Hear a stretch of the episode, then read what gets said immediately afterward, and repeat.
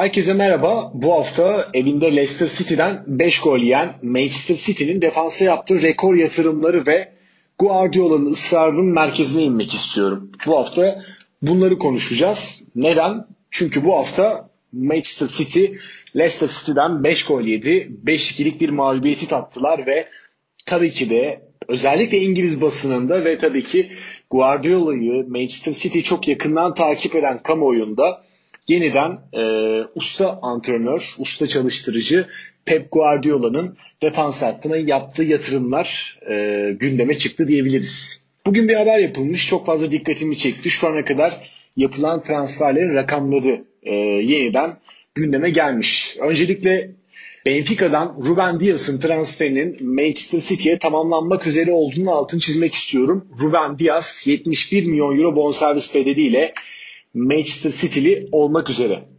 Onun öncesine gelirsek şu ana kadar Pep Guardiola döneminde e, yapılan gerçekten rekor düzeyde transferler oldu. Şöyle biraz baktığımız zaman Juventus'tan Cancelo 65 milyon euroya transfer edildi. Aymeric Laporte Valencia'dan 65 milyon euroya geldi. Benjamin Mendy Monaco'da gerçekten çok iyiydi. Guardiola'nın gözüne girdi 59 milyon euroya transferini yaptı.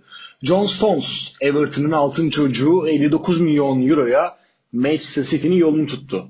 Walker Tottenham'dan Manchester City'ye 56 milyon euroya geldi. Son olarak Nathan Ake 48 milyon euroya gelmişti. O da Premier Lig'in gerçekten gözde stoperlerinden birisi olacak. Ee, çok potansiyelli bir oyuncu. Ben de çok beğeniyorum. Danilo 36 milyon euro Juventus'tan gelmişti. Sonrasında Cancelo ile takasta kullanıldı. Çok garip işler var oralarda da. Ve en sonunda da Angelino. E, Manchester City kendi altyapısından çıkan Angelino'yu PSV'ye vermişti. E, Gim'den geri aldılar ve üzerine 6,5 milyon euro ödemek zorunda kaldılar. Şöyle bir baktığımız zaman başından beri 2 dakikadır Guardiola'nın yaptığı yatırımları e, söylüyorum. Toplamda 465 milyon euroluk bir yatırımdan bahsediyoruz. Sadece defans hattısına yani sol bek, sağ bek, iki tane tandemli stoper. Guardiola City'nin başından bu yana, başına geldiği süreçten bu yana 465 milyon euro defans hattına harcadı. Hatta ilave ek olarak da 50 milyon euroya kaleci olarak Ederson Moraes'i aldı. 18 milyon euroya da Claudio Bravo'yu transfer ettirdi. Şimdi kaleci defans hattı değil demek doğru ancak alakalı. E, çünkü Guardiola bu hamleleri yaparken tabii ki de amacı ne? Gol yememekti. Ederson Moraes de Claudio Bravo da bunun için geldiler. Hatta ayağı iyi oynayan kaleci olarak o figürle geldiler.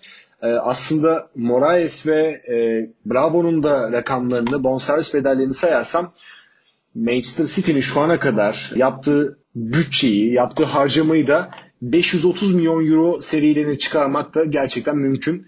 530 milyon euroya ne yapılır?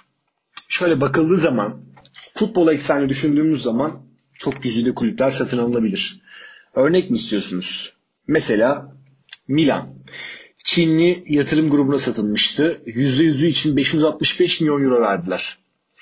Inter'in %65'i satıldı yine Çinli başka bir yatırım fonuna %65'i için 260 milyon euro seviyelerinde bir rakam ödendi.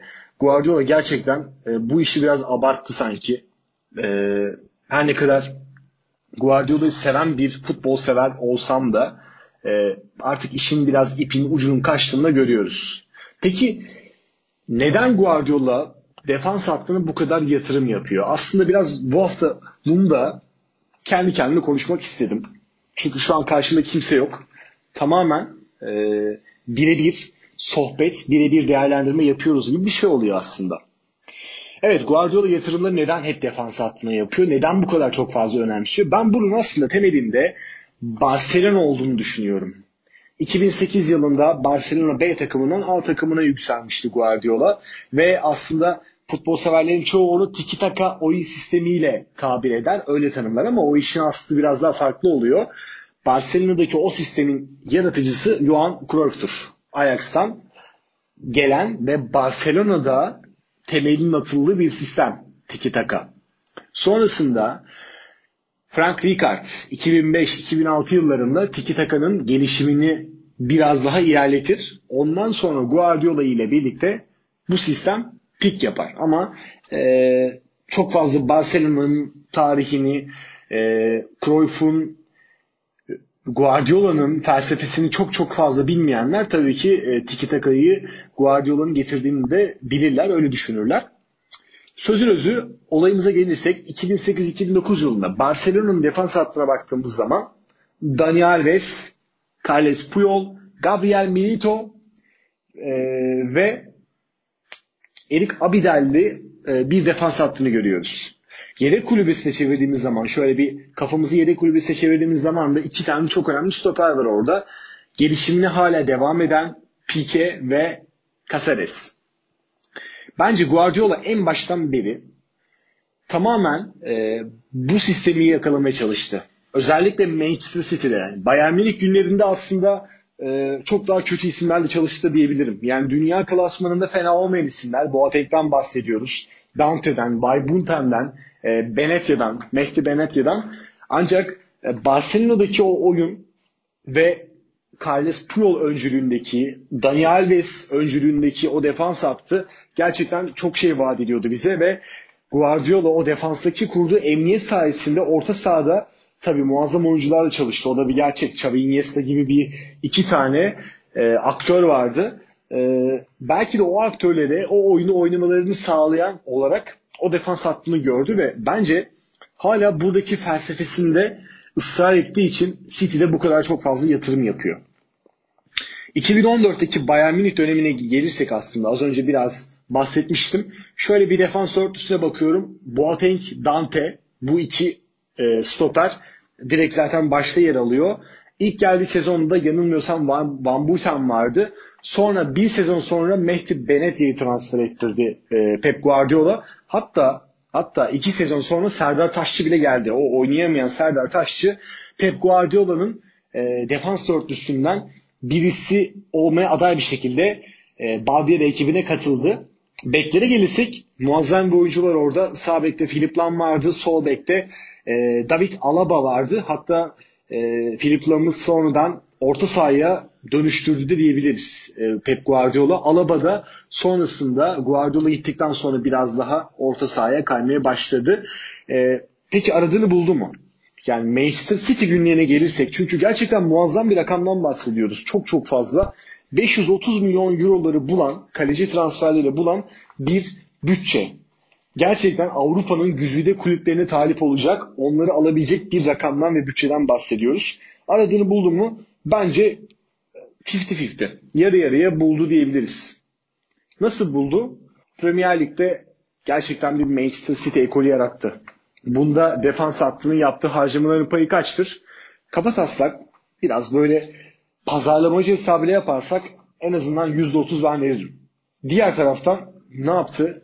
Premier Lig'in rekorunu kırdı. 100 puanla Manchester City daha önce yapılmayanı yaptı ve Premier Lig'de şampiyonluğunu ilan etmişti 2 sezon önce.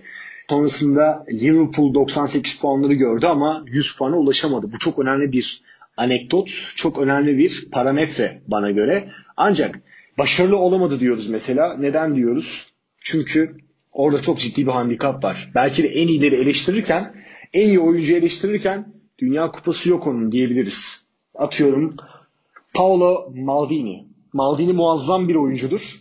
Gerçekten çok büyük bir ekoldür, ikondur. Milan'ın bana göre en büyük ikonu Paolo Maldini'dir. Bazı e, otoriteler e, Baresi diyebilir. Ben Baresi izleyemedim yaşımdan dolayı. Ama bana göre Maldini'dir. 16 yıl boyunca aralıksız bir şekilde yanılmıyorsam 92 yılında Milan'da forma giymeye başlamıştı Paolo Maldini ve 2008 yılına kadar hatta 2009 yılına kadar sadece Milan forması giydi. Kariyerinde 5 Şampiyonlar Ligi şampiyonluğu bulunan e, ancak Dünya Kupası bulunmayan bir isimden bahsediyoruz. İtalya milli takımı 2006 yılında Dünya Kupası zaferini yaşarken Paolo Maldini maalesef kadroda yoktu. Milli takımı bırakmıştı 2002 yılında ve oradaki İtalya'nın stoper tandeminde Cannavaro ve Nesta vardı. Ee, sol bekte bile Grosso oynuyordu yani. Öyle bir İtalyan milli takımından bahsediyoruz. Aslında Maldini de sonradan oyuna girip e, katkı verebilirdi ve Dünya Kupası'nı kazanan kadroda olabilirdi. Konuyu dağıtmadan şunu söyleyeceğim. e, en iyi oyuncuları lanse ederken onun Dünya Kupası yok diyorduk ve Maldini bile buna bir örnektir aslında. Guardiola için de aslında artık şöyle bir tabir kullanılmaya başladı. Onun 10 yıldır Şampiyonlar Ligi yok. Şampiyonlar Ligi kupası yok. Evet gerçekten doğru. Guardiola tam 10 yıldır Avrupa'nın zirvesini oluşturan Şampiyonlar Ligi kupasını kazanamıyor. Bayern Münih gibi bir ekibe gitti. Hem de kimden sonra? Jupp Heynckes'ten sonra. Heynckes gerçekten Guardiola'yı makine gibi bir takım bırakmıştı. Ancak Guardiola yarı finalleri geçme başarısı gösteremedi Bayern Münih'te. City'ye geldi. istediği her transfer yapıldı. Defansa paraları yığdı resmen. Ancak yine yarı finali geçme başarısı gösteremedi. Bence Guardiola'nın e, en büyük handikapı onu eleştirirken, onunla ilgili negatif yorumlar yaparken Şampiyonlar Ligi'ni 10 yıldır alamaması çok ciddi bir handikap onun için. Peki şu anda peki ne istiyor? Özellikle Türk olmasından dolayı ve tabii ki tabii ki de bizim milli gururumuz Çağlar Söyüncü. Manchester City'li adı çok fazla anılıyordu. Guardiola'nın çok istiyor şeklinde haberlerde çıkmıştı. Bence doğruluk payı var. Ancak yayının başında, kaydın başında da söylemiştim. Manchester City Benfica'dan Ruben Dias'ı 71 milyon euroya transfer etti diyebiliriz. Ee, sadece resmi imzaların atılması kaldı. 2-2000 anlaştığını biliyoruz ve Avrupa'da şu an en çok konuşulan transferlerden birisi haline dönüştü. Ruben Dias transferi. Peki Guardiola madem Çağlar Söyüncü'yü bu kadar çok istiyor o kaynağı veya Ruben Dias tercihi yerine Çağlar Söyüncü'yü neden almadı? Ben de bunu soruyorum. Çok fazla e, İngiliz basınını aman aman takip eden birisi değilim. Ancak ara ara görüyoruz tabii ki de. Bunun biraz daha böyle incelenmesi lazım. Ancak Guardiola bence gitmeden, e, City'nin başına ayrılmadan bir tane daha stoper transferi yapacak. o da e, bana göre %50, %60 bu formunu korursa Çağlar Söyüncü olacak ve Çağlar Söyüncü'yü de alacak. Hatta şu anki o 530 milyon euroluk rakamların e, çok rahat bir şekilde Çağlar'la beraber 600'lere çıktığını da bence görebileceğiz. E, sonuç olarak bazı otoriteler hala Guardiola'yı defans hattına yaptığı harcamalarla savunuyor. Bana göre artık ipin ucu kaçtı. Ama bunun nedenini kendimce biraz Barcelona'ya inerek e, aradım ve öyle bulduğumu da düşünüyorum. Guardiola çünkü arkadaki o beşliği, kaleci ay beşliği e, çok net bir şekilde güçlü ve sağlam bir şekilde tutmak istiyor ki orta sahada tamamen istediği oyunu oynatabilsin, istediği hücum geçişlerini yapabilsin ve hatta arkadaki defans dörtlüsünün de e, tamamen kompakt bir şekilde hücumculara ikinci bölgeye, üçüncü bölgeye destek olmasını istiyor. Bunu yakaladığı zaman, arka plandaki başarıyı yakaladığı zaman ikinci ve üçüncü bölgede de bana göre oyun sisteminden dolayı da e, başarılı olacağını düşünüyor. Demek ki eğer kağıt üzerine bakarsak %50 ile başarılı olmuş gibi. Premier Lig'de istediklerini yapan bir e, Manchester City var. Her ne kadar geçen sezon şampiyon Liverpool'da olmuş olsa e, bu sezonun en büyük adayı diyebiliriz hala. Ama Şampiyonlar Ligi'nde ise uluslararası arenada ise istediklerini yapamayan, başarıyı yakalayamayan bir Pep Guardiola var diyebiliriz.